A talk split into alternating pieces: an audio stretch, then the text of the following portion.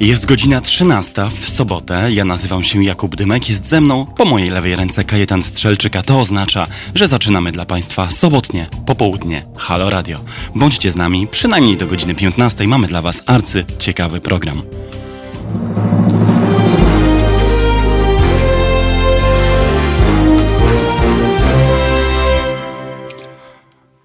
Drodzy Państwo, nie będę kłamał, jestem wkurwiony. I to nie jest jeden z tych napisanych rantów, gdy ktoś performuje oburzenie, napisawszy je sobie wcześniej na karteczce, udając śmiertelnie przyjętego sytuacją dla klików. Jestem wkurwiony autentycznie, ponieważ sytuacja kryzysu, wydawałoby się, zmuszałaby nas wszystkich do przemyślenia swoich dotychczasowych postaw, odruchów i zachowań. Sytuacja kryzysu, wydawałoby się, jest takim momentem, w którym czasami należy zatrzymać się i powiedzieć coś nowego, albo przynajmniej nie mówić nic, kiedy nie wie się, co powiedzieć. Tymczasem okazuje się, że być może widmo nadchodzącej globalnej recesji, tysiąca śmierci dziennie w dużym europejskim kraju, gdzie służba zdrowia mimo wszystko istnieje, a nie znajduje się w stanie skrajnej zapaści i tego, że nie tylko globalne PKB, ale cała realna gospodarka za chwilę runie. Przerażającym doświadczeniem jest obserwowanie tego, i sam nie jestem tu bez grzechu, że wszyscy mówimy w gruncie rzeczy to samo. Lewicowcy okazuje się mają bowiem swoją dobrą lewicową odpowiedź na wszystko on podwyższać podatki, powiększać zarazem świadczenia, czy wprowadzić dochód podstawowy. Liberałowie też mają swoją genialną odpowiedź na wszystko: ciąć podatki i obniżać świadczenia, równoważyć budżet, ale za to pomagać firmom. Konserwatyści zaś są w tym komfortowym i niekomfortowym położeniu, że nie mają żadnej recepty, a oferują dziś wyłącznie propagandę sukcesu i opowiadają, jak to jeden z wiceministrów w aktualnym rządzie że to świetna okazja, żebyśmy skorzystali na kryzysie i wskoczyli w XXI wiek, rozwijając cyfrową gałąź naszej gospodarki. W sytuacji, gdy bezrobocie za chwilę uderzy w próg, którego nie widzieliśmy w Polsce od 97 roku, będziemy pocieszać się tym, że rozwinie się u nas gospodarka cyfrowa jeszcze więcej rzeczy będziemy robili zdalnie.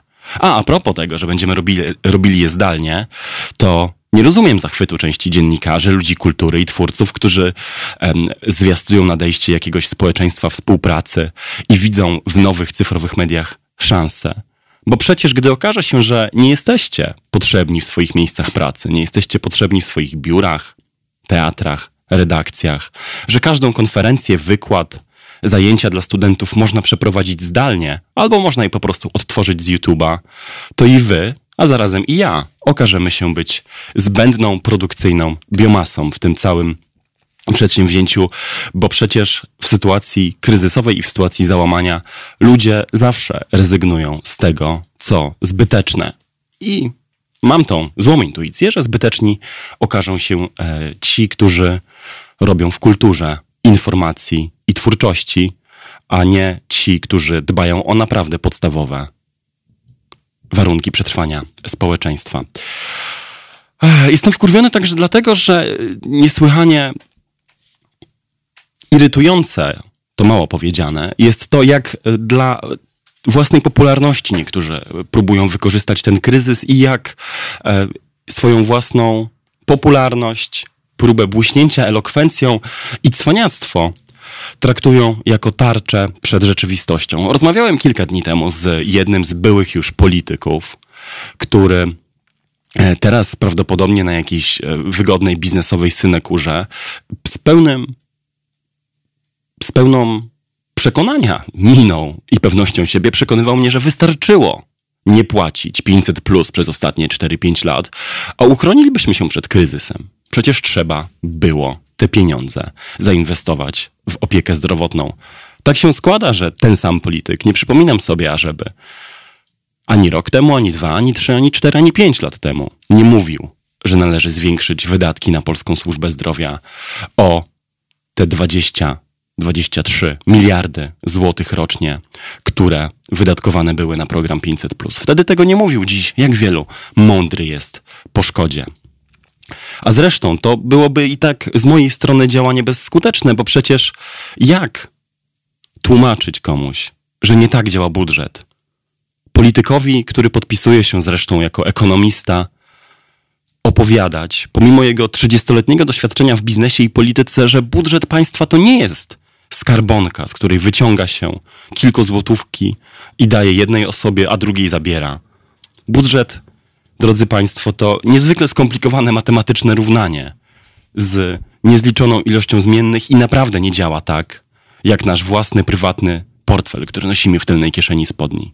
Wie to chyba dzisiaj ósmoklasista, a pomimo tego udają, że nie wiedzą tego ludzie z wykształceniem ekonomicznym. Wkurwiony jestem wreszcie dlatego, że lajki na Facebooku, pewien pochód ludzi poszukujących palmy największej słuszności, pokazujących jak skutecznie, dzielnie i odważnie walczą z koronawirusem poprzez swoje kolejne selfies, nakładki na zdjęcie profilowe i oburzone, kipiące słusznym wzmożeniem moralnym statusy mają nam zaimponować. To też ci ludzie, którzy miesiącami i latami popisywali się, jak skutecznie walczą z smogiem, zmianą klimatyczną, odstrzałem dzików, globalnym kapitalizmem, e, korporacją Amazon. Dzisiaj e, poprzez swoje e, pseudozabawne filmiki z kwarantanny przekonują nas, że i z koronawirusem walczą najlepiej za pomocą żarcików na Facebooku, ładnych selfies i stories na Instagramie. Myślę, że jednym z największych nieszczęść tej dekady będzie to, że wychodzimy z niej przekonani, że kliktywizm, czyli ten pozór działania, to najbardziej jałowe z ludzkich aktywności jest form, jest formą obywatelskiego zaangażowania.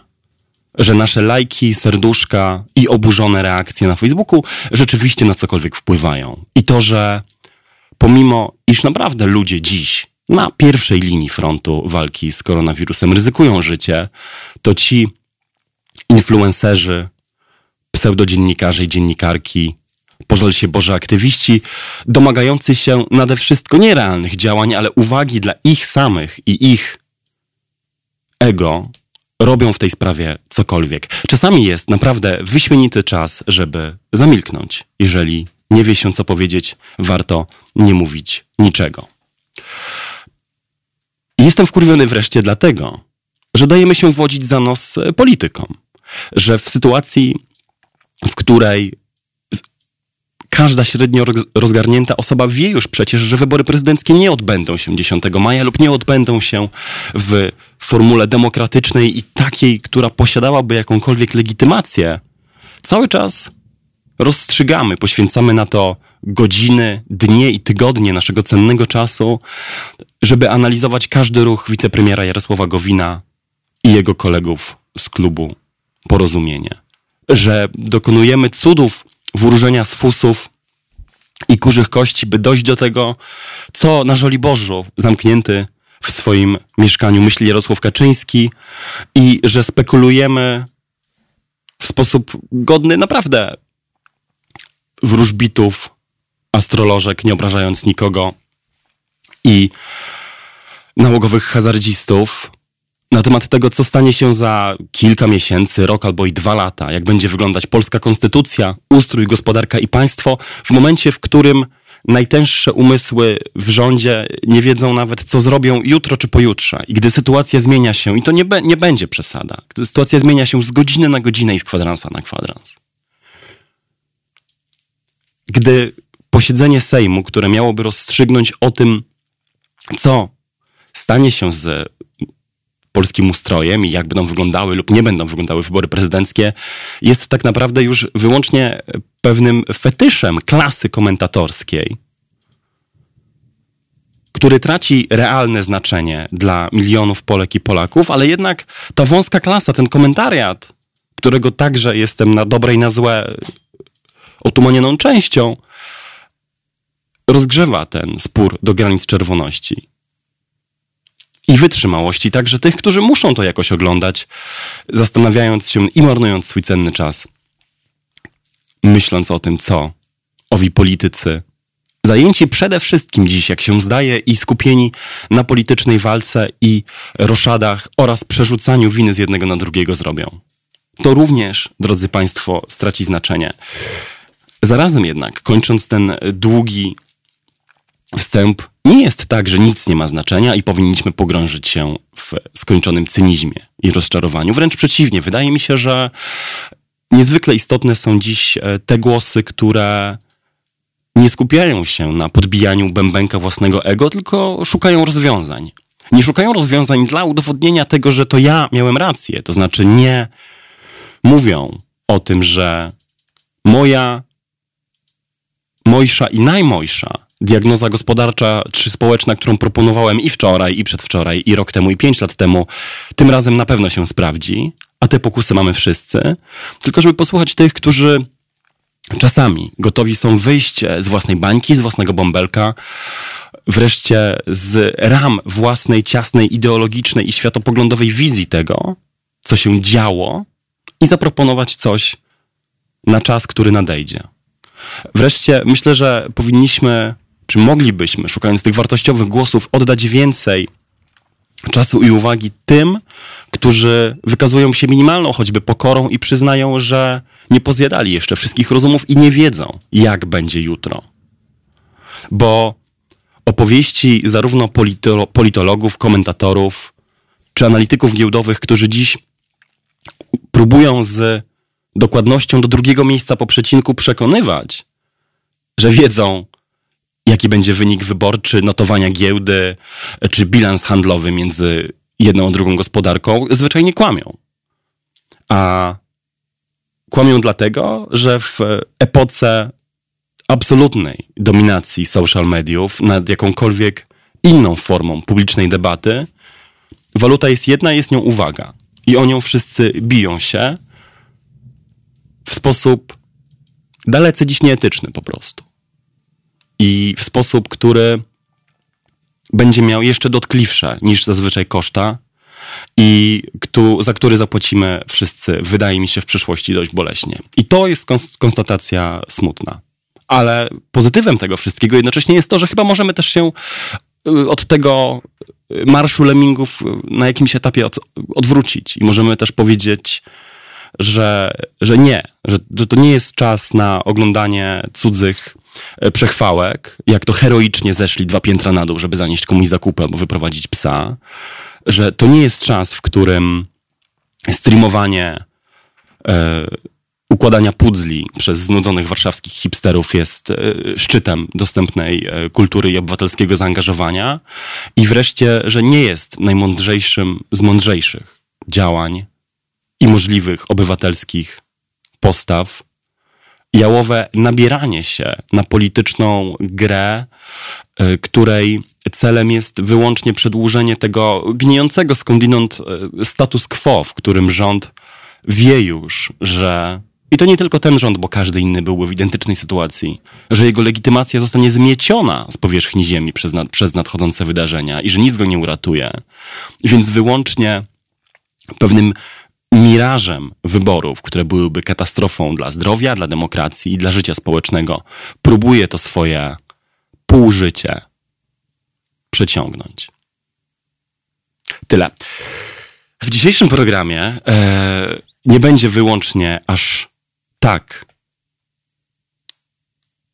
drastycznie, mrocznie i zero-jedynkowo, mam nadzieję, e, bo za chwilę połączymy się z Jarosławem Makowskim, filozofem i publicystą, który, z którym porozmawiamy trochę właśnie o etyce i filozofii i ciężarze moralnych wyborów, jakie w tych trudnych czasach podejmuje klasa rządząca, polscy intelektualiści, jeżeli tacy są, e, i Kościół którym Jarosław Makowski, autor książki o znamiennym tytule Pobudka Kościele, zajmuje się zawodowo. W drugiej zaś godzinie razem z Państwem i liczę na Państwa głosy, komentarze i telefony, zastanowimy się nad e, kilkoma scenariuszami tego, jak rozwijać się e, i już rozwijają się w sytuacji e, pandemii media, debata publiczna i aktywizm, czyli to, o czym, o czym mówiłem od samego początku dzisiejszego naszego spotkania. Chciałbym, żebyśmy kilka tych rzeczy, które pozwoliłem sobie zajawić czy zasygnalizować, omówili szerzej. To znaczy social media, gospodarkę, potrzebę radykalizmu lub e, konieczność powściągnięcia tego radykalizmu i szukania konsensusu. E, myślę, że tematów do rozmowy w drugiej godzinie również nam nie zabraknie.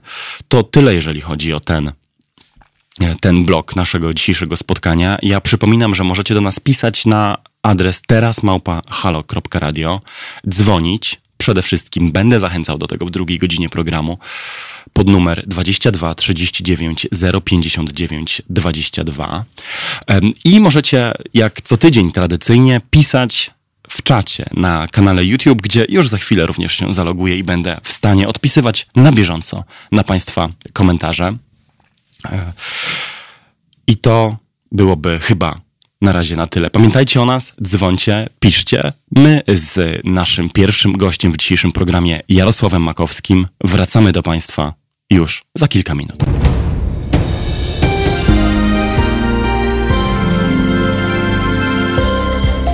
Halo Radio. Pierwsze medium obywatelskie.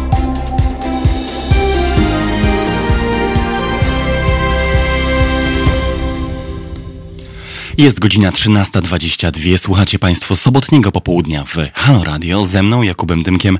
Dzień dobry Państwu. Raz jeszcze witam wszystkich na czacie na YouTubie, witam wszystkich z telefonami i przed komputerami i słuchających nas na każdy z możliwych sposobów. Jest z nami, już mam nadzieję i słyszymy się dobrze, publicysta, filozof Jarosław Makowski. Halo? Dzień Jarku. dobry Jakubie, dzień dobry Państwu. Halo. O, wyśmienicie, wyśmienicie Cię słyszę. Dzień dobry, cześć. E, Jarosław Makowski napisał e, taki tekst dla faktu, czy udzielił takiego wywiadu dla, e, dla faktu pod tytułem Dlaczego Kościół milczy w sprawie wyborów? I o Kościele na pewno dzisiaj będziemy mieli okazję porozmawiać, bo to jest twoje forte, to jest twoja specjalizacja i bardzo jestem ciekaw tego głosu i tego, co ty uważasz Kościół powinien w tej sprawie powiedzieć lub czego mówić nie powinien. Ale chciałbym chyba zacząć od rozmowy z tobą nie jako publicystą, ale filozofem właśnie, bo ciekawi mnie, gdzie ty prywatnie rozgraniczasz sobie jeszcze to, co jest dziś normal, normalne, takie doraźne, tymczasowe, a kiedy zauważasz w swoim życiu już tą mocną ingerencję stanu wyjątkowego i to, że nic dookoła nie jest takie samo, jakby się mogło wydawać, jak było dotychczas? W zasadzie chyba już nie ma takiego miejsca, które można by było mm, określić jako to sprzed mhm. koronawirusa, sprzed tego stanu wyjątkowego, który nas, który nas zaskoczył, prawda? My spodziewaliśmy się, że kataklizm nadciągnie, ale z zupełnie innej strony, raczej w wyniku zmian klimatycznych, prawda? I płonąca Australia na początku tego roku była tego świadectwem. Tymczasem zostaliśmy jako wspólnota mm, ludzka zaatakowani z zupełnie niespodziewanej strony, choć oczywiście wcześniej podobne sygnały były. Mówię o ptasiej grypie czy, czy tak dalej, prawda? Natomiast skala e, koronawirusa nas oczywiście e, powaliła, tak samo jak konsekwencje z tym związane, a więc brak tego bezpiecznego miejsca, które mm, pozwoliłoby nam e, czuć się u siebie.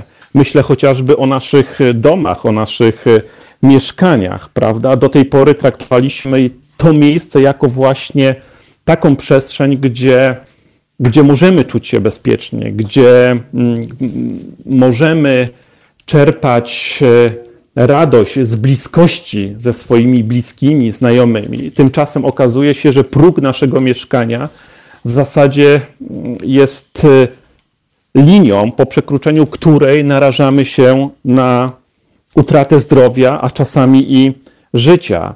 że to, co było dotychczas normą, a więc bliskość, czułość, dotyk, nagle okazuje się dla naszego życia zagrożeniem, że dzisiaj przejawem empatii jest dystans, odległość e, i pewien rodzaj chłodu w relacjach między ludźmi.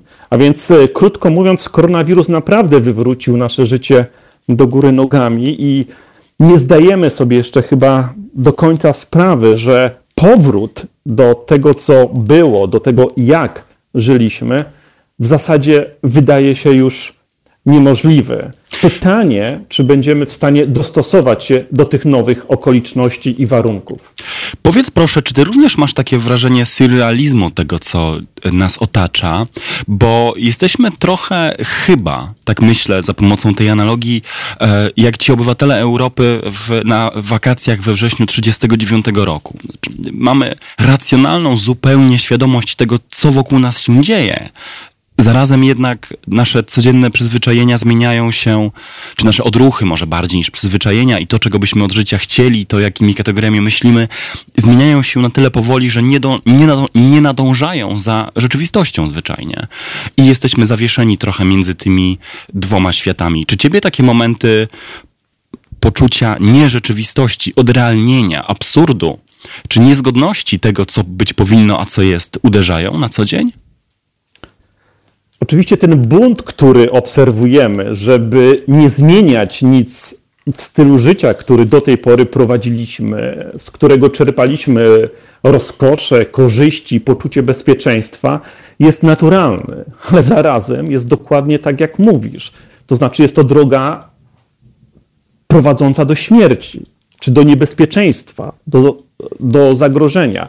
Wczoraj oglądałem mm, y, filmy włoskich dziennikarzy z Neapolu, kiedy, kiedy y, ulice były pełne ludzi, kiedy mm, Włosi rzeczywiście zachowywali się tak, jakby nic się e, nie stało. I oczywiście e, to jest zrozumiałe, ale zarazem tylko i wyłącznie nasza samodyscyplina, nasze, nasza determinacja, nasza uważność, nasza ostrożność pozwoli nam z, tym, z tą przeklętą zarazą walczyć. Więc w pewnym sensie nie mamy wyjścia, żeby zmienić wszystko to, co do tej pory robiliśmy, ale z drugiej strony rozumiem ten opór przed tą, przed tą e, zmianą i koszt tej zmiany, jak powiedziałeś, powolnej, bo ona i tak nastąpi, prawdopodobnie będzie ogromny. Nie mówię tutaj tylko i wyłącznie o mm, ludziach, którzy stracili, stracą życie z powodu zarazy, ale także tych wszystkich konsekwencjach, które ona ze, ze sobą niesie, a niesie w zasadzie w każdym obszarze. Od gospodarki poczynając, poprzez, poprzez życie społeczne, mm, a na rozrywce kończąc.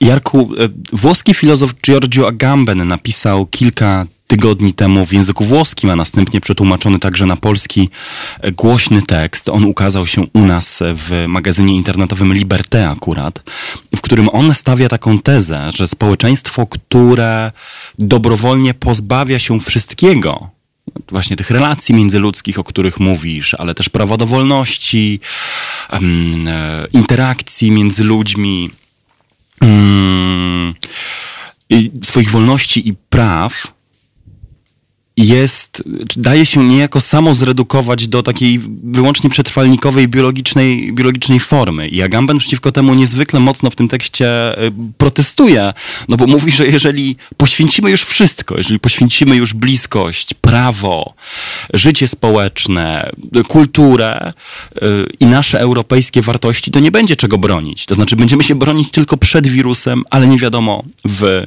obronie czego. E, ten tekst wywołał, wywołał masę, masę kontrowersji. Jestem ciekaw, e, jak ty na to patrzysz.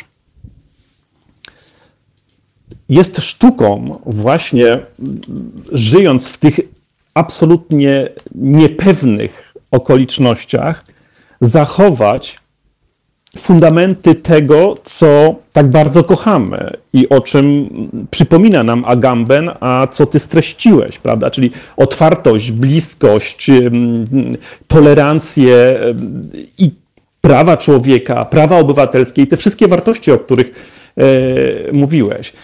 zarazem wcześniej powiedziałeś, że tutaj się nikt nie ostanie.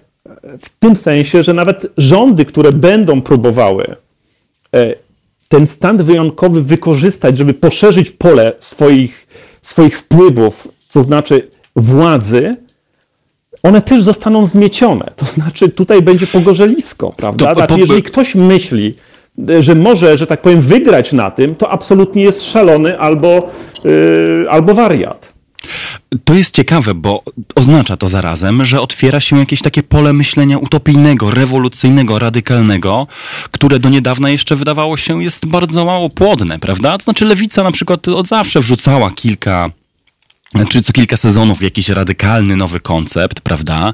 Jakiejś albo to utopii technologicznej, albo bezwarunkowego dochodu gwarantowanego, albo społeczeństwa bez wzrostu, ale siłą rzeczy e, te propozycje były ignorowane lub upadały właśnie dlatego, że społeczeństwo dziś, społeczeństwo demokratyczne i liberalne jest dla utopii i radykali, radykalnego myślenia politycznego bardzo nieprzychylne.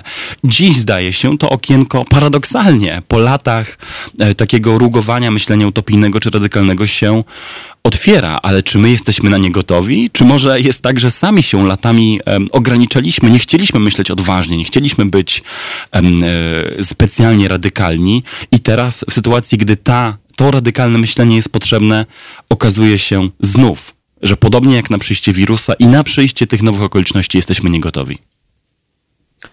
Oczywiście jesteśmy na to niegotowi, ale zarazem mamy przystawiony karabin do głowy.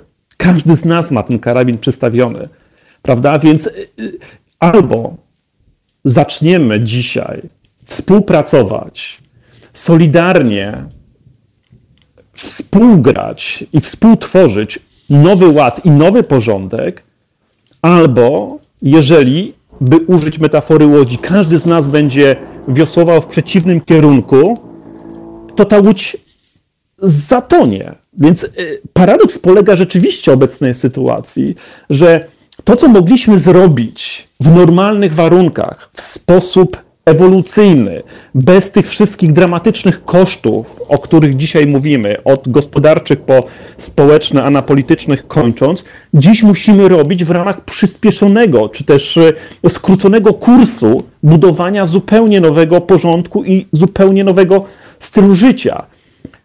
Paradoks tej sytuacji polega na tym, że nie mamy wyjścia. Jesteśmy do tego absolutnie zmuszeni, ale nie przez armię, nie przez e, mm, e, e, siłę polityczną. Jesteśmy zmuszeni przez, przez to cholerstwo, którego nawet nie widzimy, a które rozprzestrzenia się poprzez to, że się spotykamy, że rozmawiamy, że siadamy do jednego stołu, być może wielkanocnego, żeby, żeby wspólnie w gronie rodziny i znajomych zjeść obiad. To jest ta przerażająca wizja, w której dzisiaj e, funkcjonujemy i z której, mam nadzieję, jakoś się otrząśniemy.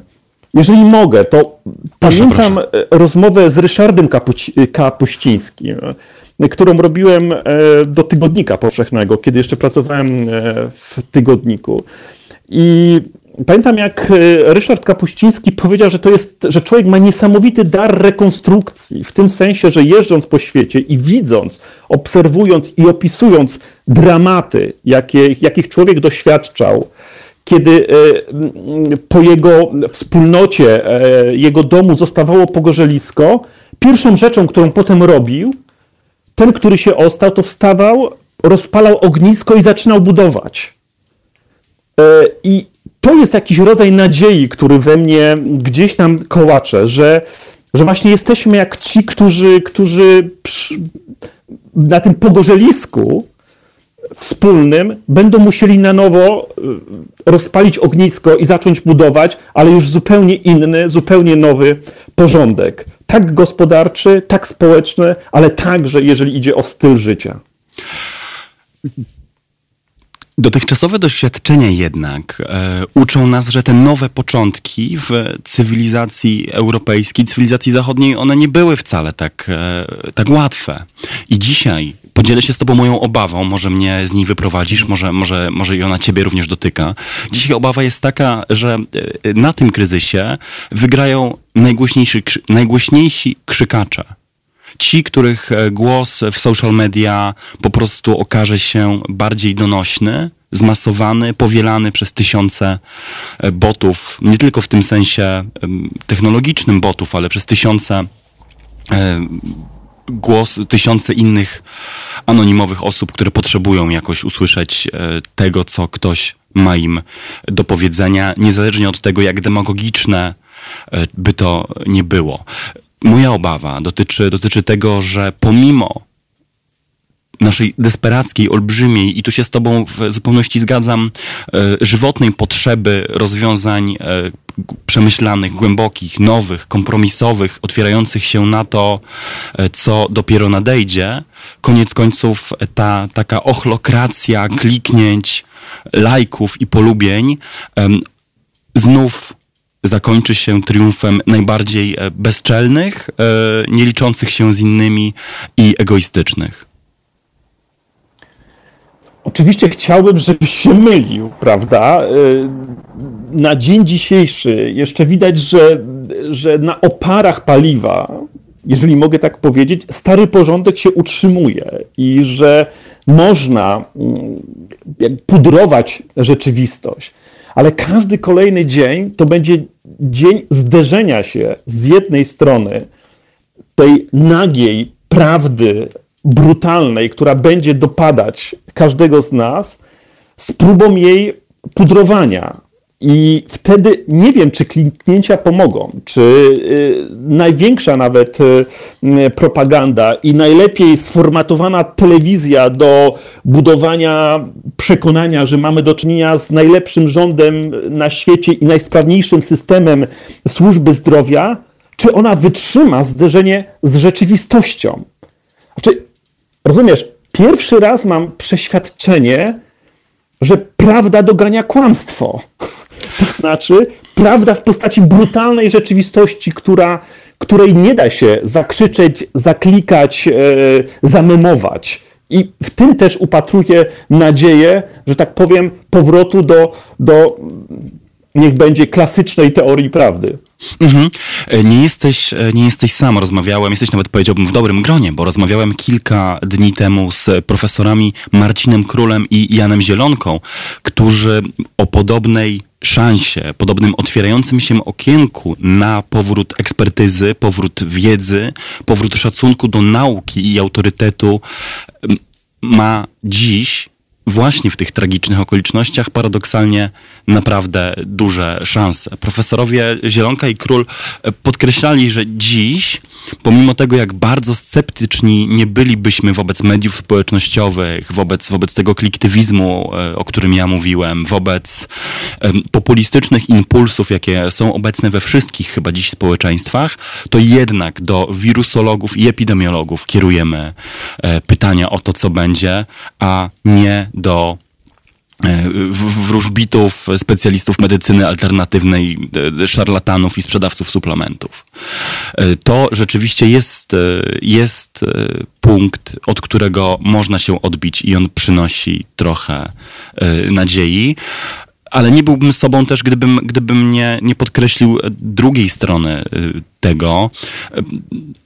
Analitycy, na przykład Bloomberga, przepraszam, Brookings, jeszcze zawiesiłem się, analitycy Brookings Institutions e, na przykład e, twierdzą, że populiści się na tym przejadą mocniej niż demokraci, a na to wcale żadnej gwarancji nie mamy. To wcale nie jest tak pewne, że Donald Trump czy Boris Johnson, czy nawet Jair Bolsonaro, chociaż ten trzeci może najmniej, którzy zaprzeczali istnieniu e, ryzyka związanego z koronawirusem, zostaną jakoś mocniej tym dotknięci niż, niż demokraci, czy ci, którzy postępowali uczciwie. Jarku, przepraszam, to była moja długa, długa być może dygresja. Nie, ale to jest ale ciekawy która... ten ostatni wątek polityczny, jeżeli mogę. Proszę. Bo, bo to jest, to jest rzeczywiście, rzeczywiście tak, że wszystko zależy teraz od odpowiedzi na to, co nas dotyka czego doświadczamy. Prawda? Ale nie ma gwarancji właśnie, że najmądrzejsi ale wiesz, ale odpowiedzą pory... najlepiej. Jest taka szansa, ale, nie ma takiej gwarancji Oczywiście, natomiast nie ulega wątpliwości, że populizm, jakby cały swój, mm, całą swoją żywotność brał właśnie z przekonania, że udzielał prostej odpowiedzi na skomplikowaną rzeczywistość. Dzisiaj, jeżeli mogę tak powiedzieć, e, ta, e, ten, ta złożoność świata dopada nas właśnie w całej swojej nagiej prawdzie.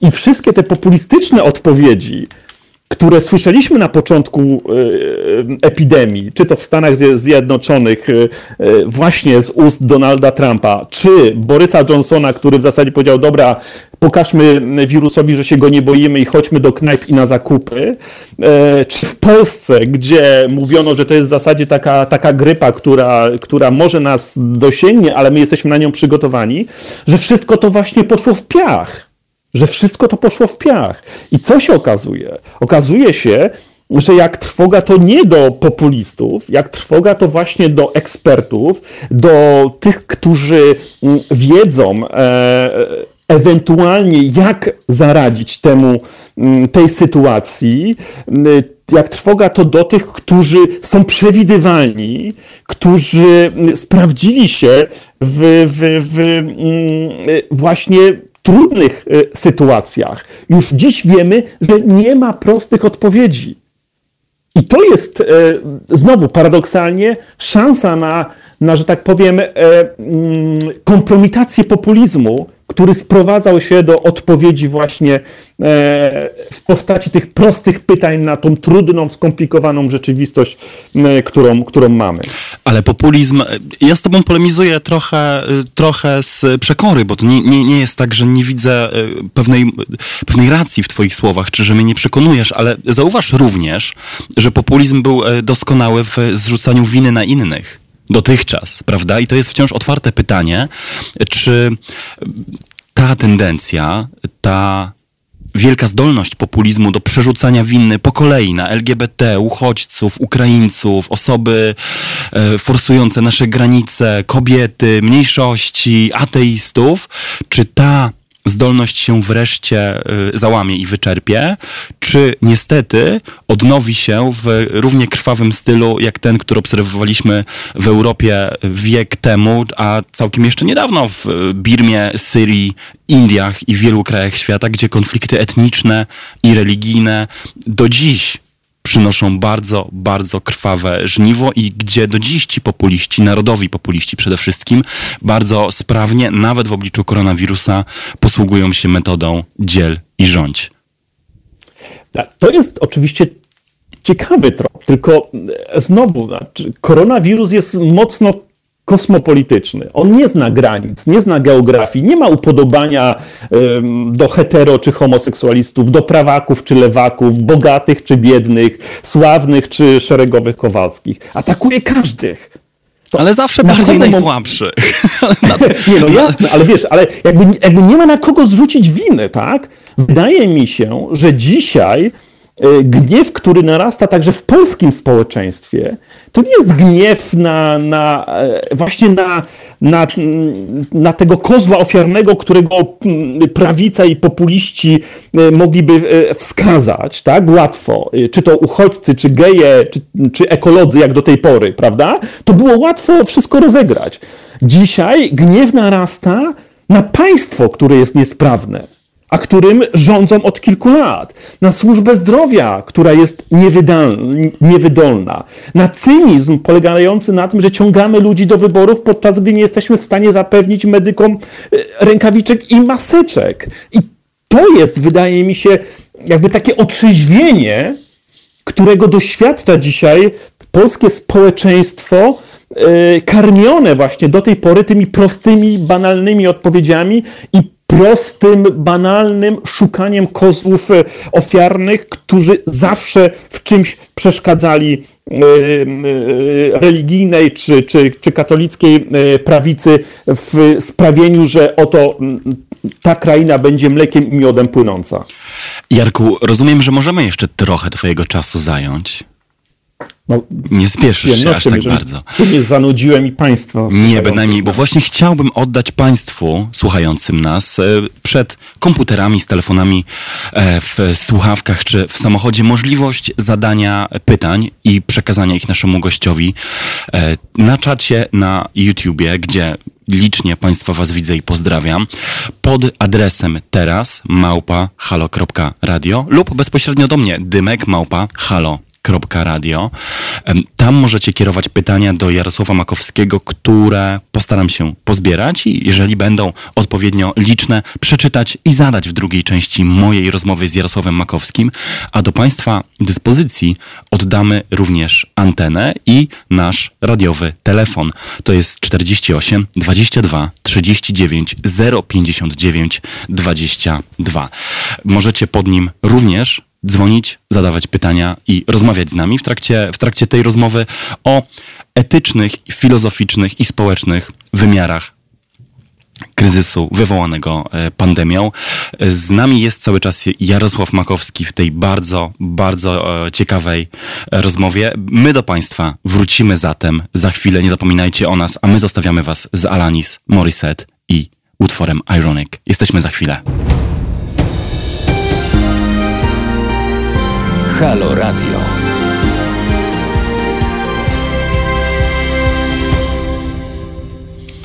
Jest godzina 13.50. Ja nazywam się Jakub Dymek. Realizuję mój program Kajetan Strzelczyki i zapraszamy i witamy Państwa w kolejnej części naszej dzisiejszej sobotniej audycji. E, chciałem powiedzieć, że zbliżamy się równo do połowy i nawet nie skłamię. Jest godzina 13.51, a z nami cały czas jest Jarosław Makowski, filozof i publicysta. Dzień dobry, halo, słyszymy się Jarku?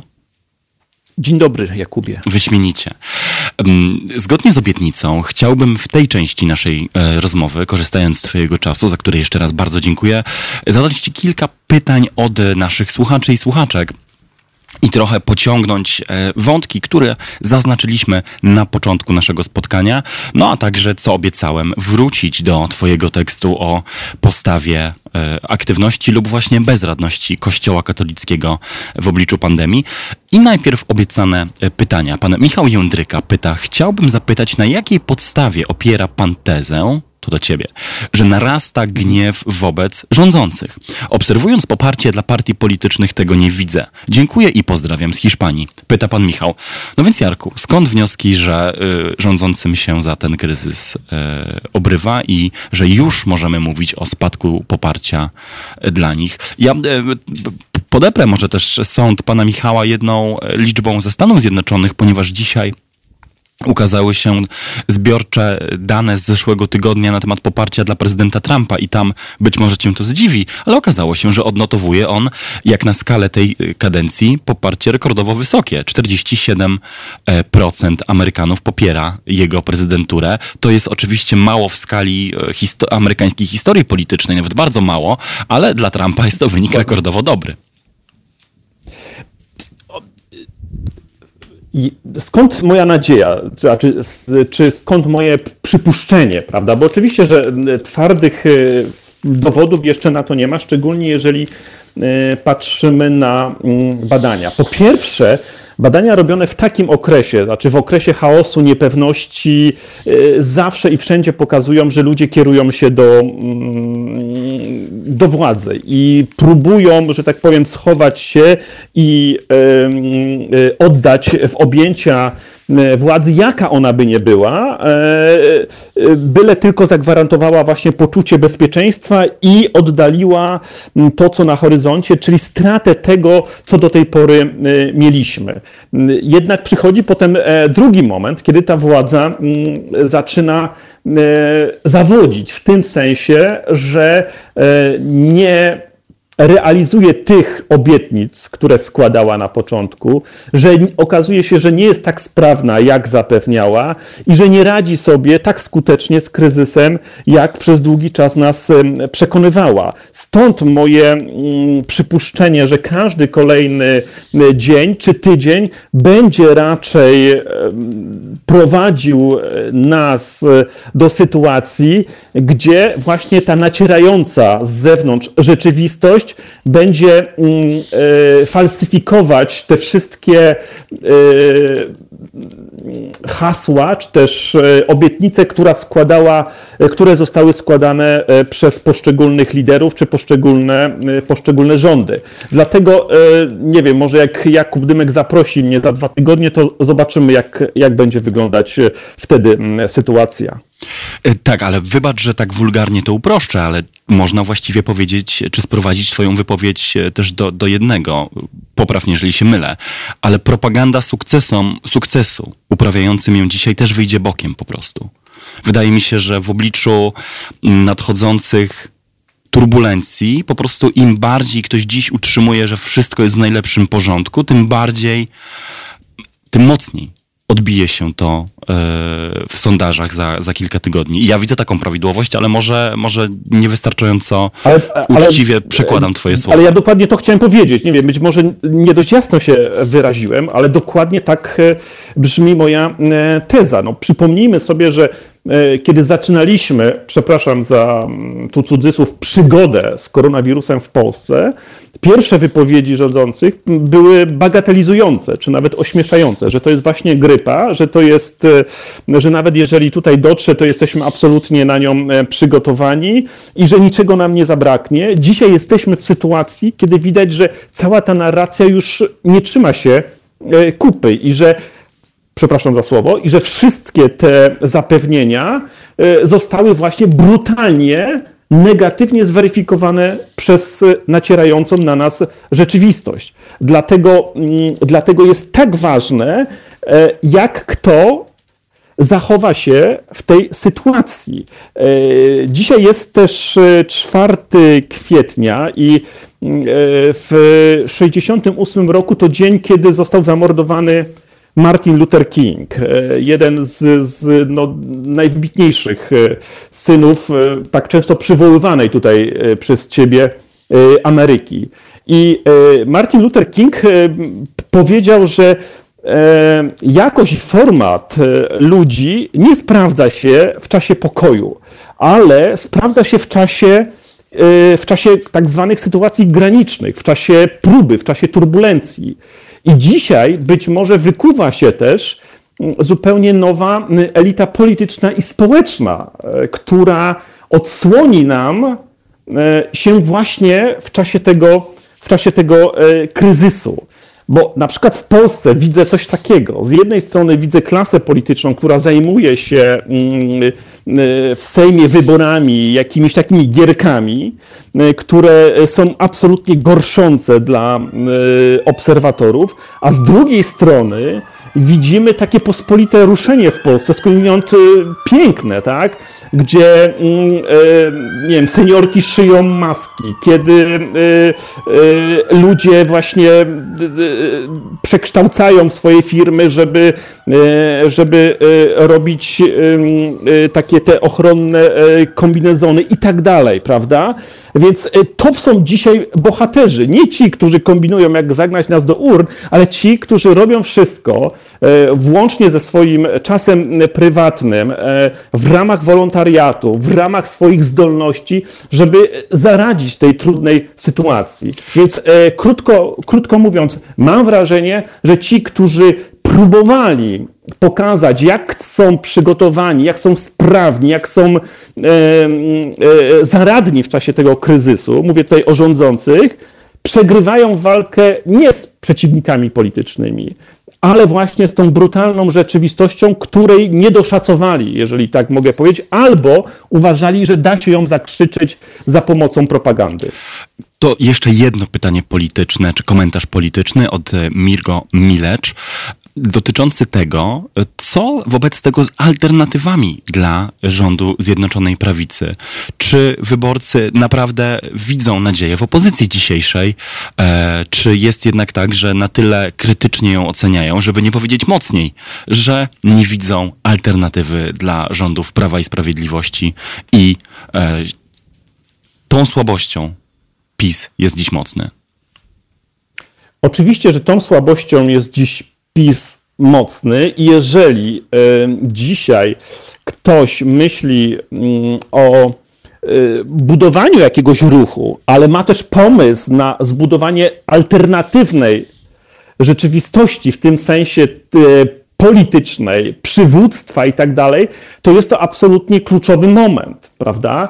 E, I doskonale wiemy, że polityka nie znosi e, próżni i że być może dzisiaj właśnie e, wykluwają się to, co powiedziałem wcześniej, nowi liderzy, nowe elity, którzy, które zaproponują nam także zupełnie nowy porządek e, społeczny, polityczny, kulturalny, który do tej pory był przedmiotem analiz na seminariach e, e, akademickich, prawda? I nagle ta rzeczywistość, która zaatakowała nas zupełnie z boku, sprawia, że to, co było przedmiotem właśnie teoretycznego namysłu, może zostać zastosowane E, w rzeczywistości. Innymi słowy, e, ta słynna doktryna szoku nie musi zawsze oznaczać, że, że wygra kapitalizm, tak? ale można go, można ją w tym przypadku potraktować być może pozytywnie i spróbować zmienić ten, mm, ten, ten układ, który do tej pory zawsze, zawsze wychodził e,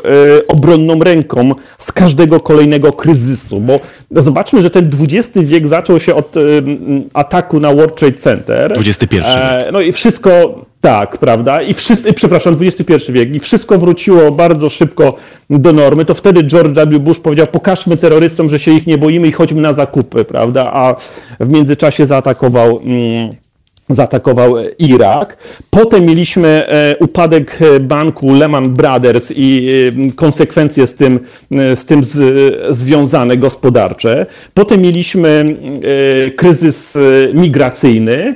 2013-2015. No i dzisiaj mamy, dzisiaj mamy kryzys związany z koronawirusem. Do tej pory te wszystkie kryzysy były jakoś lokalne, były jakoś szybko spacyfikowane, wydaje się, że ten nie jest do szybkiego spacyfikowania. Prawda? E, Przy całym czasu, ogromnym wysiłku, który wkładamy, czasu, żeby to e, spacyfikować. Czasu na porównanie między kryzysem wywołanym przez tak zwaną wojnę z terroryzmem na początku XXI y, wieku i tym aktualnym nie mamy, choć byłaby to na pewno bardzo, bardzo ciekawa, polemiczna dyskusja, bo i jeden i drugi kryzys, jak się wydaje, będą determinujące dla całych nadchodzących dekad i jakoś rzucą się cieniem na ten młody XXI wiek, ale mamy za to nie mając czasu na tę dyskusję, z nami słuchaczkę. Łączy się z nami pani Olga. Mam nadzieję, że wszyscy się wzajemnie we troje słyszymy. Jarek przy telefonie, pani i my w studio. Halo, halo.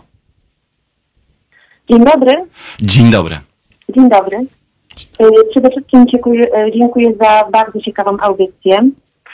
E, chciałam się tutaj odnieść do kilku takich wątków przez panów poruszanych. Po pierwsze, moim zdaniem w wyniku takich tych y, wielkich y, kryzysów, y, przede wszystkim przeszłości, no nie były to kryzysy typu tak epidemie, ale chodziło mi tutaj przede wszystkim o te wojny, wychodziły rządy autorytarne. I po takim zakończonym kryzysie, tak, myślę tutaj o pierwszej wojnie światowej, społeczeństwa opierały się na takich no, mm, silnych jednostkach, które oczywiście wykorzystywały to z czasem przeciwko y, społeczeństwu. No i tutaj wiadomo, w niedługim czasie doszło do wybuchu II wojny światowej. Y, ja mam nadzieję, że po tej wojnie, tak, bo niektórzy to, co się w tej chwili dzieje, nazywają no, wojną dosłownie no, w skali światowej w tej chwili, że po tej epidemii nastąpi takie mm, przewartościowanie życia, że każdy z nas to zrobi Y, że wyciągniemy przede wszystkim wnioski z tych y, obostrzeń, y, a szczególnie zrobią to ludzie młodzi. Ja bardzo liczę w tej chwili na ludzi młodych, no bo w sumie no tak trochę im zdobywaliśmy ten nos. Ja myślę tutaj, że wiele czynników nam wpłynęło, tak? Przede wszystkim takie wieloletnie zaniedbywanie, jeżeli chodzi o dbałość tak, o środowisko naturalne i tak dalej. I że właśnie szczególnie ludzie młodzi spowodują to, że w przyszłości do władzy nie dojdą populiści, y, ale no, ludzie, którzy przede wszystkim będą mieli im y, do zaoferowania y, ten czynnik, mówię, no, dbałości o środowisko naturalne. I tak na koniec myślę, że w przyszłości też y, nauki humanistyczne będą odgrywały większą rolę niż w tej chwili. Ja dziękuję i przyłączam się na y, słuchanie panów dalej. Dziękuję. Bardzo, bardzo dziękujemy za ten głos, Pani Olgo. Ja, Jarku, zanim oddam Ci głos i możliwość repliki, też podzielę się pewnym skojarzeniem, które przyszło mi mhm. do głowy, gdy Pani Olga powiedziała o wojnie i jej konsekwencjach. Przyszła mi na myśl e, inna wojna. Wojna z ubóstwem, którą w latach 60. ogłosił prezydent Lyndon e, Johnson i która była w jakimś przewrotnym sensie bliźniaczką wojny w Wietnamie. Ta jedna kosztowała ludzi życie i była, i była, była y, międzynarodową i humanitarną tragedią, ale ta, e, ta pierwsza, czyli wojna z ubóstwem, była jakimś jednak masowym ruchem, który zintegrował, czy miał na celu zintegrowanie społeczeństwa, doprowadzenie do e, objęcia większej, idącej w miliony liczby osób, e, ilości obywateli e, ubezpieczeniem po prostu społecznym czy, czy medycznym i wreszcie wy, wyniesieniem ich z tej tytułowej biedy. Bywa czasem tak rzeczywiście, i tu nawiązuję do głosu pani Olgi, że jedne wojny, te koszmarne, te kosztujące ludzkie życia i te przynoszące tragedie bywają w rękach odpowiedzialnych przywódców impulsem do wypowiedzenia tych wojen w, z plagami społecznymi i problemami, byłoby rzeczywiście w jakimś sensie najlepiej, gdyby to, to cykliczne powtarzanie się takich wielkich impulsów i w tym półwieczu e, jakoś do podobnej reakcji doprowadziło. Czy możemy na to liczyć, tego nie wiemy, ale być może w tym cała nasza nadzieja. To dygresja o, o wojnie, czy o dwóch obliczach e, wojny. Jarku, oddaję teraz Tobie możliwość odpowiedzi to ja już nie będę tego powtarzał, co ty e, zauważyłeś, natomiast ja się odniosę do tego, co wydaje mi się znowu być promykiem nadziei na tym e, padole e, bez nadziei, a mianowicie pani Olga powiedziała o ludziach młodych, bo wiesz, dla nas, a przynajmniej dla mnie, no, już jestem siwy i stary, to, że granice były zamknięte, to, że nie można było wychodzić z domu i tak dalej, e, bo stan wojenny, to ja to, to, ja to pamiętam. Ale dla dużych, e, dużej generacji ludzi, właśnie młodych, to jest absolutnie szok to, co się wydarzyło, prawda? Że z dnia na dzień zostają zamknięte granice, że mm, z dnia na dzień e, kończy się mm, Erasmus i ta wymiana między poszczególnymi krajami w ramach Unii Europejskiej, że ten świat nagle się radykalnie skurczył, prawda? To, co oni słyszeli od nas w ramach opowieści, było traktowane jako rodzaj fikcji i nagle staje się to dla nich rzeczywistością, prawda? A mówię to w takim kontekście, że oni dziś doświadczają czegoś, co można by określić stratą. To znaczy, jeżeli nie zajmiemy się sobą, nie zajmiemy się planetą, nie zajmiemy się na poważnie kondycją społeczną i relacjami między ludźmi, to właśnie to nas czeka, prawda? I e, e, do młodych ludzi już przy okazji mm, e, zmian klimatycznych dotarło, że coś niedobrego dzieje się z naszą planetą. Natomiast dzisiaj dostali namacalny, brutalny dowód, że spieprzyliśmy im przyszłość. Prawda? Znaczy, z jednej strony oni mogą mieć do nas pretensje, że mimo tego, iż wiedzieliśmy, że to się tak skończy, to żyliśmy tak, jakby ta wiedza mm, nie była istotna, a z drugiej strony oni już wiedzą, że muszą zacząć zupełnie wszystko na nowo. I to jest też coś, co, co napawa mnie mm, nadzieją. Nie będą umierać za smartfona, ale będą umierać za klimat, za nowy porządek społeczny, który nie będzie generował ludzkich odpadów, czy też za solidarność, która w takich sytuacjach zdaje się być ostatnią deską ratunku. Nie wiem, nie wiem, czy, nie wiem, czy wypada. E, nie, no, nie wiem, czy wypada po prostu ten, ten twój e, optymizm, ale też optymizm taki niezwykle, niezwykle szlachetny i zbudowany na na niegłupich przemyśleniach e, tak podważać. No dziękuję.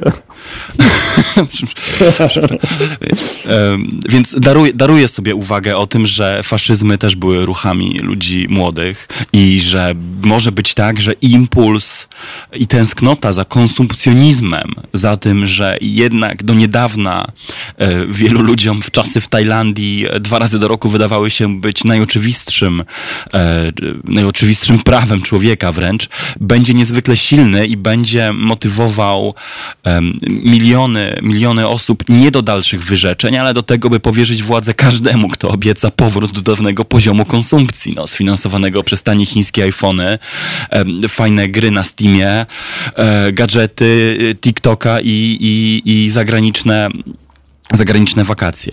Ale może. Ja oczywiście. I, i mogę zdanie. Proszę, ja, proszę. Nawet jest wskazane, żeby byli tacy, którzy będą, że tak powiem, e, pokazywać tą drugą stronę rzeczywistości, że być może się nic nie zmieni. Natomiast dzisiaj absolutnie potrzebujemy nadziei, prawda? Znaczy utopia wiąże się z nadzieją. Jeżeli myślimy e, oczywiście o jakimś rodzaju nowego porządku, to on nie może być zbudowany bez, bez nadziei, tak? bez pewnej wizji, która opierałaby się jednak na pozytywnym programie. Oczywiście zawsze można e, kwestionować, e, podważać i być może to jest wskazane, żeby nie być na, naiwnym, ale też mam absolutną pewność, że jeżeli e, tylko będziemy kwestionować, podważać i przypominać, jak to w historii było i że nie wyciągnęliśmy z tego żadnych lekcji, no to już e, rzeczywiście daleko nie ujedziemy. Masz, masz całkowitą rację. Ja myślę, że zdanie się wyłącznie na e, krytykę i wytykanie złych czy błędnych scenariuszy z przeszłości jest absolutnie niewystarczające. Myślę, że sam apelowałem o to na początku naszej dzisiejszej audycji, żebyśmy też byli otwarci na myślenie pozytywne, na myślenie nie tylko reaktywne, ale takie, które wychodzi do przodu i zmusza nas do konfrontacji z czymś nowym. I tu lekcje z przeszłości na temat, na temat e, tych kryzysów, które udało się przezwyciężyć, na pewno są, e, są niezbędne do przyniesienia, do wytworzenia odpowiedzi na przyszłość. Stąd wzięła też się ta moja dygresja o, o wojnie z ubóstwem, takiej o dekadzie wielkiego postępu społecznego lat 60., e, który pewnie dzisiaj rządząca konserwatywna, religijna prawica uważa za dekadę y, katastrofy jakiejś społecznej, tak? I, straconą. I, tak, tak, straconą, podczas kiedy mm, kiedy, kiedy dzisiaj wiemy, że, że takie, takie osiągnięcia jak społeczeństwo otwarte, jak prawa człowieka, czy e, przede wszystkim e, w tej sytuacji najistotniejsze może usługi publiczne i prawa, prawo człowieka i obywatela do korzystania w takim samym wymiarze z tego dorobku państwowego dobrobytu, zachodniego państwa dobrobytu jest czymś fundamentalnym. Więc, e, więc jestem jestem optymistą nadziei, e, a, a, a, pesymistą rozumu, ale to nie znaczy, że to nie znaczy, że nie chcę też do tych pozytywnych scenariuszy z przeszłości sięgać. Myślę, że, że, że bardzo ich potrzebujemy. E, ja zacząłem czytać więcej o New Dealu, mówiąc szczerze teraz. I jestem, mhm. jestem na początku kolejnej wielkiej, opasłej książki o, o, o Roosevelcie i rozwiązaniach z lat 30., które pomogły lepiej lub gorzej, bo oczywiście o to się ekonomiści i historycy będą spierać, ale przezwyciężyć kryzys, e, załamanie gospodarcze. To pamiętam, e, jak studiowałem w Stanach Zjednoczonych myśli polityczne, był mój ulubiony okres, kiedy uczyłem się o tym, jak całe społeczeństwo rzeczywiście w takim trochę wyidealizowanym w amerykańskim stylu, przesłodzonym, ale jednak wielkim micie zjednoczyło się w walce z e, olbrzymią gospodarczą zapaścią. Tyle dygresji. Co powiesz na to, żebyśmy do tematu Kościoła i twojego tekstu wrócili w trzecim i ostatnim e, segmencie naszej rozmowy. Po chwili przerwy, już wtedy bez zbędnej zwłoki, od razu sięgnę do sedna tematu i zapytam Cię o to, e, czego, czego dotyczy Twój niedawny tekst w fakcie. Co Ty na to? Słuchaj, Ty jesteś tutaj szefem więc ja jestem tylko gościem. Ale korzystamy, korzystamy z Twojej mądrości i z Twojego, z twojego czasu, e, w który, który, który pozwoliliśmy sobie tutaj zaangażować do rozmowy. Dobra, nie przedłużając, drodzy Państwo, czekamy na pytania na teraz małpa halo.radio pod numerem telefonu 482239 lub na czacie w kanale Halo Radio Live na YouTubie, gdzie cały czas z Państwem jestem i widzę e, Wasze głosy. Naszym gościem jest niezmiennie Jarosław Makowski. Wracamy do Was za sekundę po muzycznej przerwie. Halo Radio. Gadamy i trochę gramy.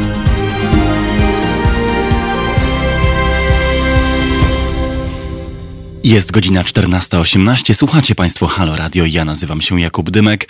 To byli Rolling Stones i I Can't Get No Satisfaction. Mam nadzieję, że nikt z Państwa nie wyjdzie z podobnym uczuciem.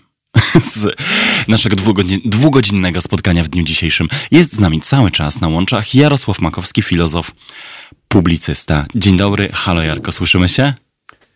Dzień dobry raz jeszcze. Dzień dobry raz jeszcze, słyszymy się doskonale wręcz. To już e, tym razem zgodnie z obietnicą sprzed chwili, bez zbędnych wstępów. Pytasz na łamach faktu, dlaczego Kościół milczy w sprawie wyborów? No ja, pracując w mediach nie od wczoraj, wiem, że jeżeli ktoś tak pyta, to też zazwyczaj sam od razu przynosi odpowiedź, więc e, powiedz nam, dlaczego Twoim zdaniem Kościół milczy?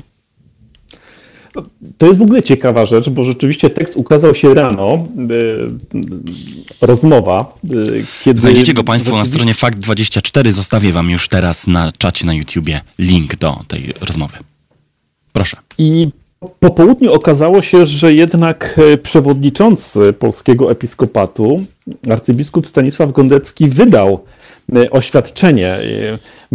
Oczywiście e, miałem takie poczucie, łechcąc swoją próżność, że być może to po przeczytaniu rozmowy ze mną, której wzywam właśnie episkopat do tego, żeby zajął stanowisko wobec sytuacji, która jest absolutnie niebezpieczna dla zdrowia i życia Polaków, a mianowicie upieranie się przy, przy przeprowadzeniu wyborów e, prezydenckich. I oto mamy sytuację, że Kościół sam się ogranicza, wiedząc, że gromadzenie ludzi w jednym miejscu, kontakt e, zbyt częsty z wieloma osobami prowadzi do zagrożenia życia i śmierci, dlatego zamyka kościoły, a zarazem milczy w sytuacji, kiedy proponuje nam się e, przeprowadzenie e, masowych e, wyborów. Więc stąd mój apel do Kościoła nie o to, żeby mówił na kogo głosować, ale żeby zajął stanowisko właśnie w takiej perspektywie metapolitycznej, wskazując na to,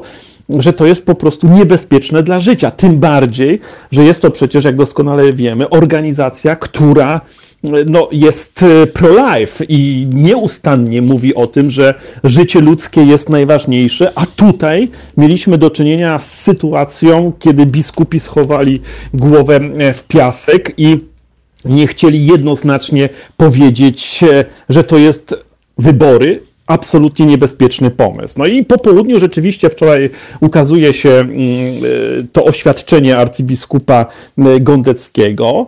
Problem jednak polega na tym, że jeżeli e, przeczytamy to oświadczenie, to rzeczywiście jest tam powiedziane, że należy odłożyć spory polityczne, należy mm, budować e, e, mm, no, porozumienie i kampania powinna być ostatnim teraz zadaniem polityków, ale nie mówi się wprost, że wybory należy przełożyć, prawda? Innymi słowy, jeżeli mm,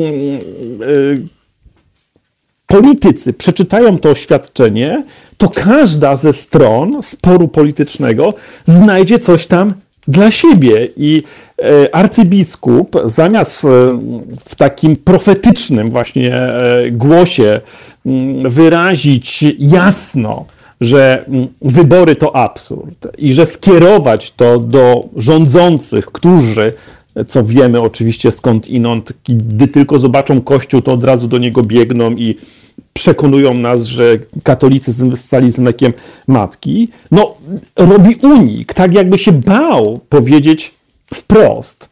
A jest to tym bardziej niezrozumiałe, że e, Jezus wprost mówi do swoich uczniów, że wasza mowa ma być tak, tak, nie, nie, a co ponad to od złego pochodzi.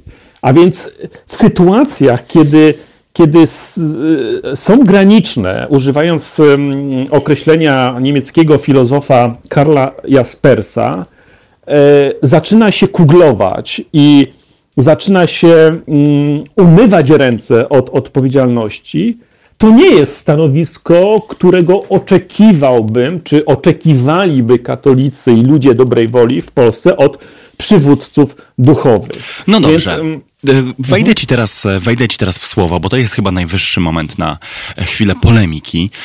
Jak to bowiem jest, że tak dużo mówimy o tym, że nie życzymy sobie wtrącania się Kościoła w sferę tej nagiej, bieżącej, partyjnej polityki, gdzie życzymy sobie, aby wpływ Kościoła na politykę i życie społeczne miał co najwyżej doradczą rolę i aby najlepiej był ograniczony do, do komunikacji z wiernymi w sprawach dotyczących e, materii ściśle teologicznej. E, tymczasem tutaj ty postulujesz wypowiedzenie się w temacie tak naprawdę wagi ustrojowej dla Polski, czyli tego, czy wybory mogą się odbyć, czy nie. I jeżeli i, i, i pomimo tego, że oczywiście okoliczności są nadzwyczajne, to jednak tego rodzaju głos, który, w którym Kościół miałby zaapelować o powstrzymanie fundamentalnej demokratycznej procedury, jaką są wybory, byłby precedensem. A precedens, jak wiemy, tworzy okazję do tego, by pewne mechanizmy, rzeczy, słowa i zachowania powtarzać absolutnie zdaję sobie z tego sprawę, szczególnie z mm, jakby lewej strony, że taka krytyka może się e, pojawić. Zresztą sam jestem zwolennikiem bardzo jasnego i precyzyjnego rozdziału między tym, co boskie, a tym, co cesarskie. Ale wydaje się, że tutaj ja nie zachęcam Kościoła do tego, żeby wchodził w bieżące spory mm, polityczne, czyli mówił, na kogo się głosuje, na kogo nie. Chodzi tylko i wyłącznie o to, że celem nadrzędnym jednak jest y, ludzkie życie, które w tym akcie y, skądinąd absolutnie fundamentalnym, jakie są wybory, w tym przypadku jest po prostu zagrożone. Jeżeli tak, to przecież te wybory, które są przekładane w innych, y, w innych krajach, no również moglibyśmy powiedzieć, że to są działania niedemokratyczne, ale sytuacja o czym rozmawialiśmy przez ponad bodajże godzinę wcześniej, e, spowodowana szalejącym koronawirusem, jest absolutnie bez precedensu. I w tym sensie e, ta sytuacja wymaga także no, odważnych gestów i odważnych e, słów, które wydaje się, że właśnie w takiej sytuacji e, są, e, są absolutnie e, konieczne.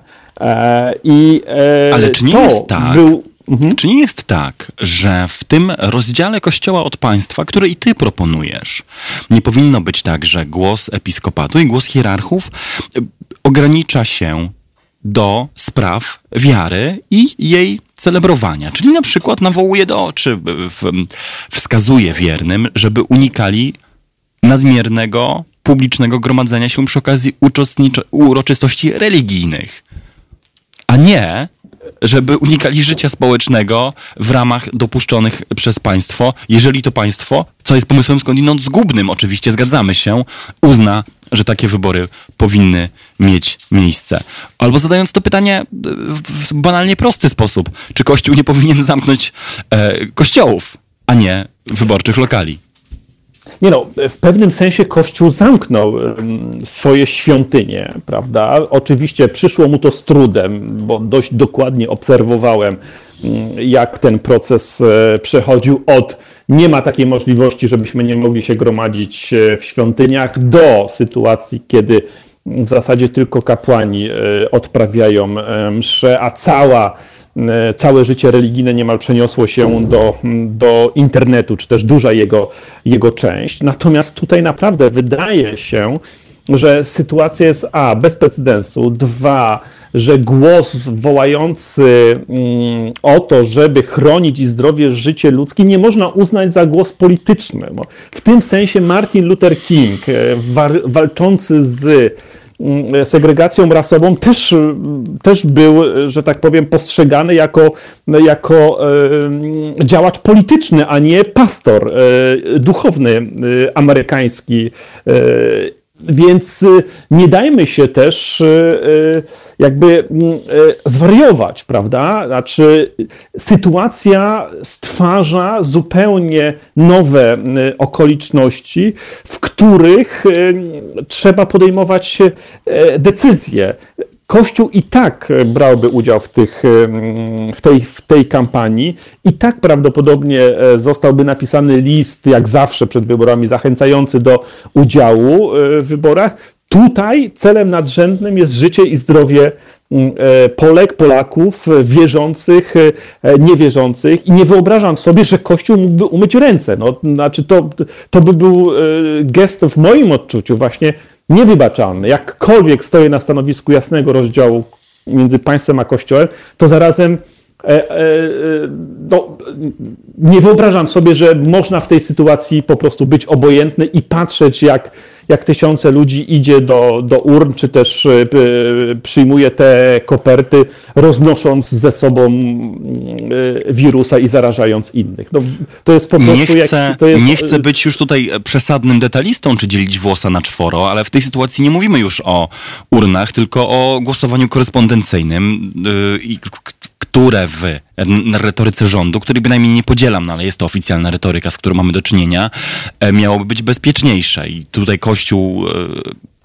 miałby e, też opowiedzieć się po prostu przeciwko przeprowadzeniu jakichkolwiek wyborów zatem, a nie tylko przeciwko gromadzeniu się. Tak to, to, to jest twój postulat. Ale nie no, mój, mój, postulat jest prosty i wydaje mi się, że każdy, kto, że tak powiem, używa e, e, sumienia i ma odrobinę rozsądku, wie, że przeprowadzenie wyborów w tym czasie i w tych okolicznościach jest naprawdę igraniem z ludzkim zdrowiem e, i życiem. I niezależnie, czy to będzie e, urna, czy też to będzie głosowanie e, korespondencyjne. Dzisiaj my mamy problem, żeby zapewnić ochronę i zdrowie medyków, którzy na pierwszej linii frontu walczą o życie i zdrowie Polaków, a przygotowujemy się do zorganizowania w prawie 40-milionowym kraju e, wyborów korespondencyjnych e, w absolutnie e,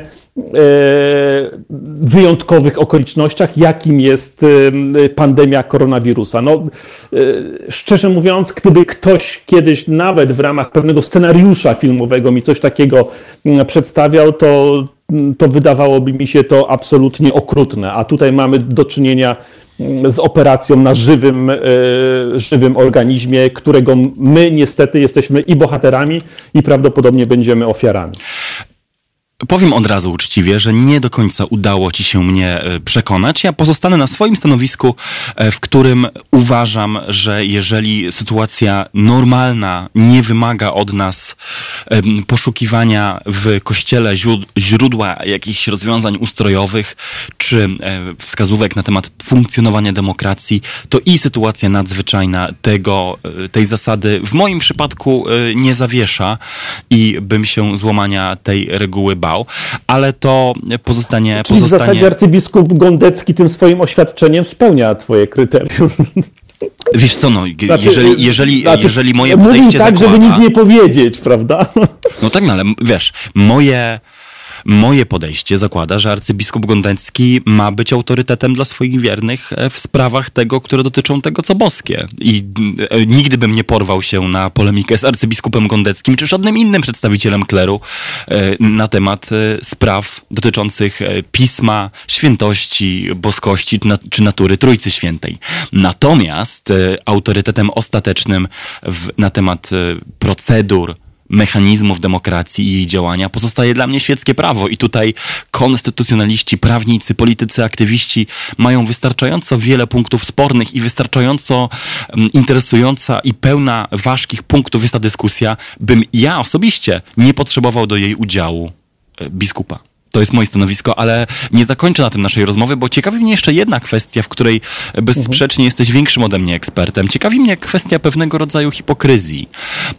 Tych osób, które twierdziły do niedawna jeszcze, że jakiekolwiek zamknięcie kościołów czy ograniczenie możliwości mm, sprawowania uroczystości religijnych jest zamachem na Kościół. Tak? Jest, to jest niedopuszczalne, nierozsądne, grzeszne. Byli tacy publicyści, pewnie doskonale wiesz, o których mówię, którzy twierdzili, że, mhm. że y, troska o życie duchowe i życie wieczne jest ważniejsza od tak trywialnych spraw, jak możliwość roznoszenia śmiercionośnego wirusa. Mam wrażenie, i to jest moje wrażenie kogoś, kto obserwuje to z zewnątrz, że dziś te same osoby zamilkły, dlatego że władza, której w dużej mierze sprzyjają, wprowadziła ograniczenia y, dotykające kościoła. Gdyby zrobiła to inna władza, liberalna czy lewicowa, ci sami publicyści, e, aktywiści kościelni czy działacze krzyczeliby o cenzurze, zamachu e, i antyreligijnej zbrodni. Taka jest moja intuicja. Czy to, co obserwujesz e, wewnątrz tej kościelnej, religijnej, katolickiej debaty dziś potwierdza tę intuicję, czy mój zarzut hipokryzji jest tutaj trochę na wyrost?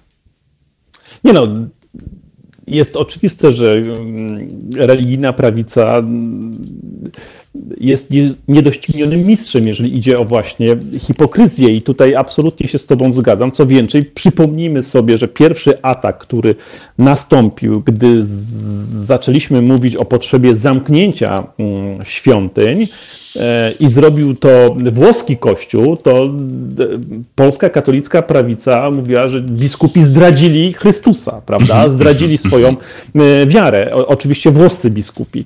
Mm, I że polscy biskupi, kiedy powiedzieli w tym swoim pierwszym oświadczeniu, że nie wyobrażają sobie, iż można zamknąć świątynię, że to jest właśnie ostoja mm, postawy, którą należy cenić i która jest ważna. Ale oczywiście znowu tu widać, jak zmieniają się postawy w zależności od tego, jak, sytu, jak rzeczywistość na nas napiera.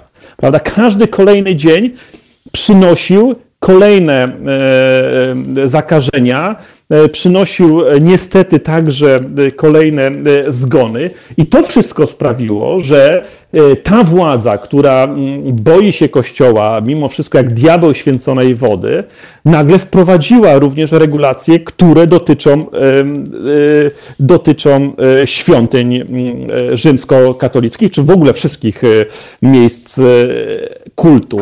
Więc to też pokazuje, że mamy sytuację bez precedensu. I tutaj te wszystkie nasze dotychczasowe e, sposoby e, działania, myślenia, one poniekąd są za krótkie, także jeżeli idzie o organizację życia religijnego. Dlatego to takie sztywne też trzymanie się mm, zasad, a nie właśnie że tak elastyczne dostosowywanie się do tej zmieniającej rzeczywistości e, trąci e, mi dogmatyzmem, e, o który skądinąd zresztą zupełnie cię nie posądzam, drogi Jakubie.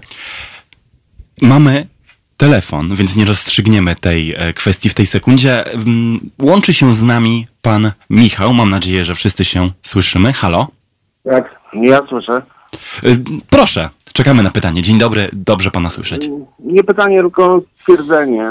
Słuchajcie, bardzo lubię Halo Radio, natomiast cała ta wasza dyskusja na temat Kościoła katolickiego jest totalnie bez sensu. To jest instytucja, którą trzeba zlikwidować. Po prostu to, inaczej. Yy, to jest maksymalny debilizm, żeby tam znajdować jakieś tam rzeczy fajne i tak dalej. No to jest e, radykalny sąd, panie Michale, skądinąd, bo są na przykład tak, osoby, które uważają, że ZUS należy zlikwidować, a wciąż w kółko o nim gadają. I ja myślę, ja myślę, że to... Zgadzam, tu się zgadzam. Natomiast y, tylko wie pan, ZUS istnieje tam 50 lat, Kościół katolicki 2000, tak? Także Kościół katolicki narobił o wiele więcej szkód niż ZUS, tak? Ale dał chyba zarazem równie proporcjonalnie więcej powodów do dyskusji. Znaczy, ja twierdzę, że nie, no, może się pan ze mną nie zgadzać, no okej. Okay. Natomiast... Ale jeżeli, Panie Michale, z całą, z całą wielką sympatią i e, wdzięcznością za Pana głos, no jeżeli e, posłuchamy się teraz Pana rady i przestaniemy e, rozmawiać o Kościele, to zostawimy pustą antenę i urwiemy dyskusję, która chyba, czego dowodem jest również pański głos, prowokuje do rozmowy i Okej, coś nam o świecie mówi. Czasem jest warto po prostu z ludźmi, którzy nie chce pan mieć wspólnego, po prostu nie rozmawiać. Tak? Chodzi mi o Kościół katolicki.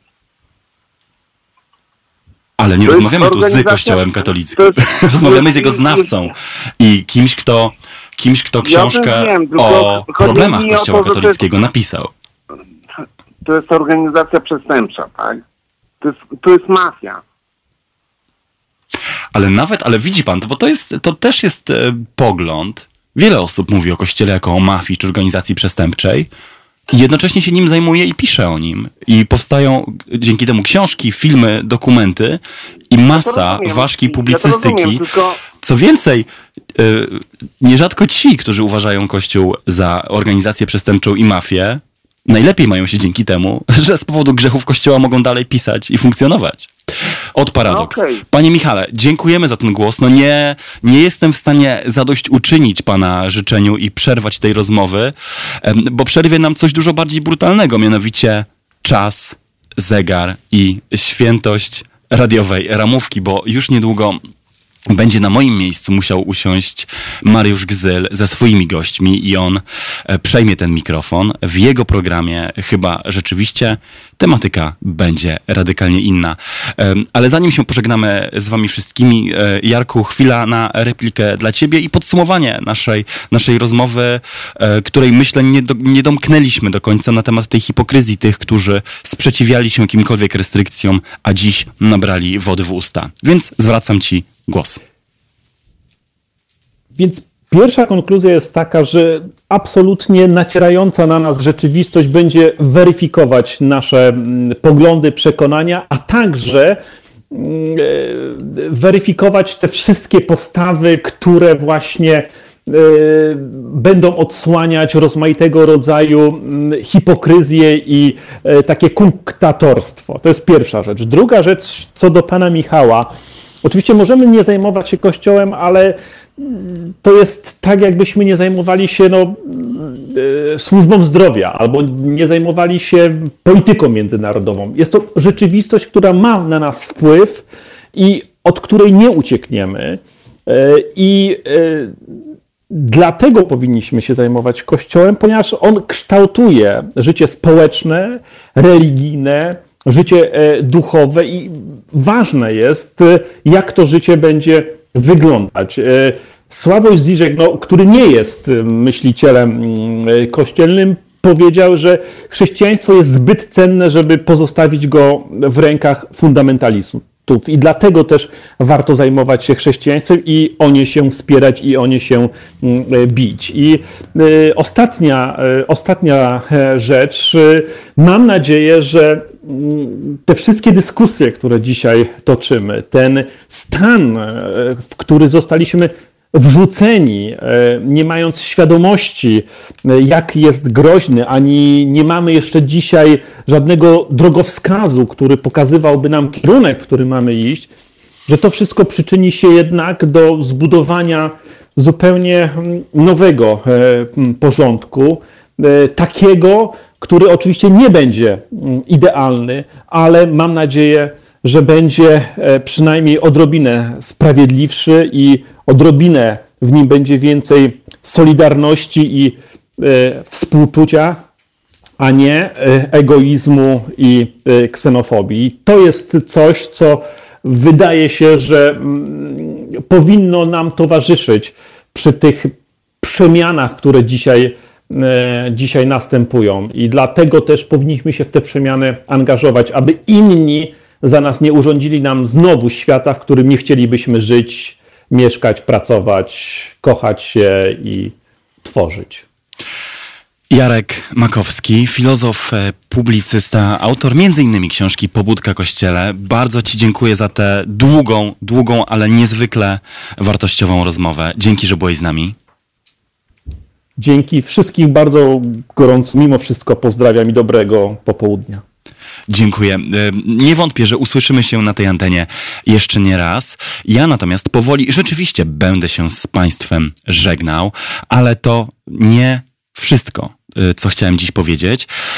Oprócz y, standardowych, bardzo, bardzo gorących podziękowań dla wszystkich z Państwa, którzy byli z nami, um, byli na czacie, odzywali się, dzwonili i pisali. Widzę Państwa głosy i jestem za nie niezwykle wdzięczny. Chciałem powiedzieć o jeszcze jednej, tej najbardziej doczesnej i materialnej formie wsparcia, jaką możecie dla naszego radia wyrazić. Jeżeli podobała się Wam dzisiejsza audycja i jeżeli cenicie to, co robi w tych trudnych czasach Halo Radio jako medium obywatelskie, możecie wejść na naszą stronę radiową, której adres jest niezwykle prosty: halo.radio ukośnik wspieraj i zadeklarować e, za pomocą dowolnego z serwisów zrzutkowych i, patron, i patronackich jakąś drobną, comiesięczną wpłatę dla Haloradia, dzięki której możemy wydawać programy na żywo, nadawać dla Państwa bez przerw i bez większych problemów, nawet w czasach ograniczeń tu z warszawskiego studia przy ulicy Marszałkowskiej, z którego ja dla Państwa przez ostatnie dwie godziny nadawałem. Pamiętajcie, że bez Was medium obywatelskie takie, które nie polega na dotacjach budżetowych i nie może nie tylko liczyć na 2 miliardy, ale choćby 2 złote, nie przetrwa. To wszystko, co dzisiaj z Kajetanem Strzelczykiem, moim realizatorem, przygotowaliśmy dla Państwa w tym sobotnim popołudniu. Przypominam, choć chyba to zbędne, bo słuchaliście nas wystarczająco długo i uważnie, że moim gościem przez znaczną część dzisiejszego programu był filozof, e, publicysta, autor wydanej przez wydawnictwo Arbitror książki Pobudka Kościele, e, która jest chyba normalnie dostępna pomimo ograniczeń w sprzedaży wysyłkowej. Zachęcam Was do lektury e, felietonów i książki Jarosława Makowskiego. Zapewniam, że warto. Jeszcze raz dziękując Państwu i mojemu gościowi za dzisiejsze sobotnie spotkanie. Wszystkiego dobrego i słyszymy się za tydzień o tej porze. Do usłyszenia, trzymajcie się zdrowo. To proste. Żeby robić medium prawdziwie obywatelskie, potrzebujemy Państwa stałego wsparcia finansowego. Szczegóły na naszej stronie www.halo.radio, w mobilnej aplikacji na Androida i iOS-a oraz na koncie Fundacji Obywatelskiej w serwisie www.patronite.pl. Naszym darczyniom i darczyńcom serdecznie dziękujemy www.halo.radio. Słuchaj na żywo, a potem z podcastów.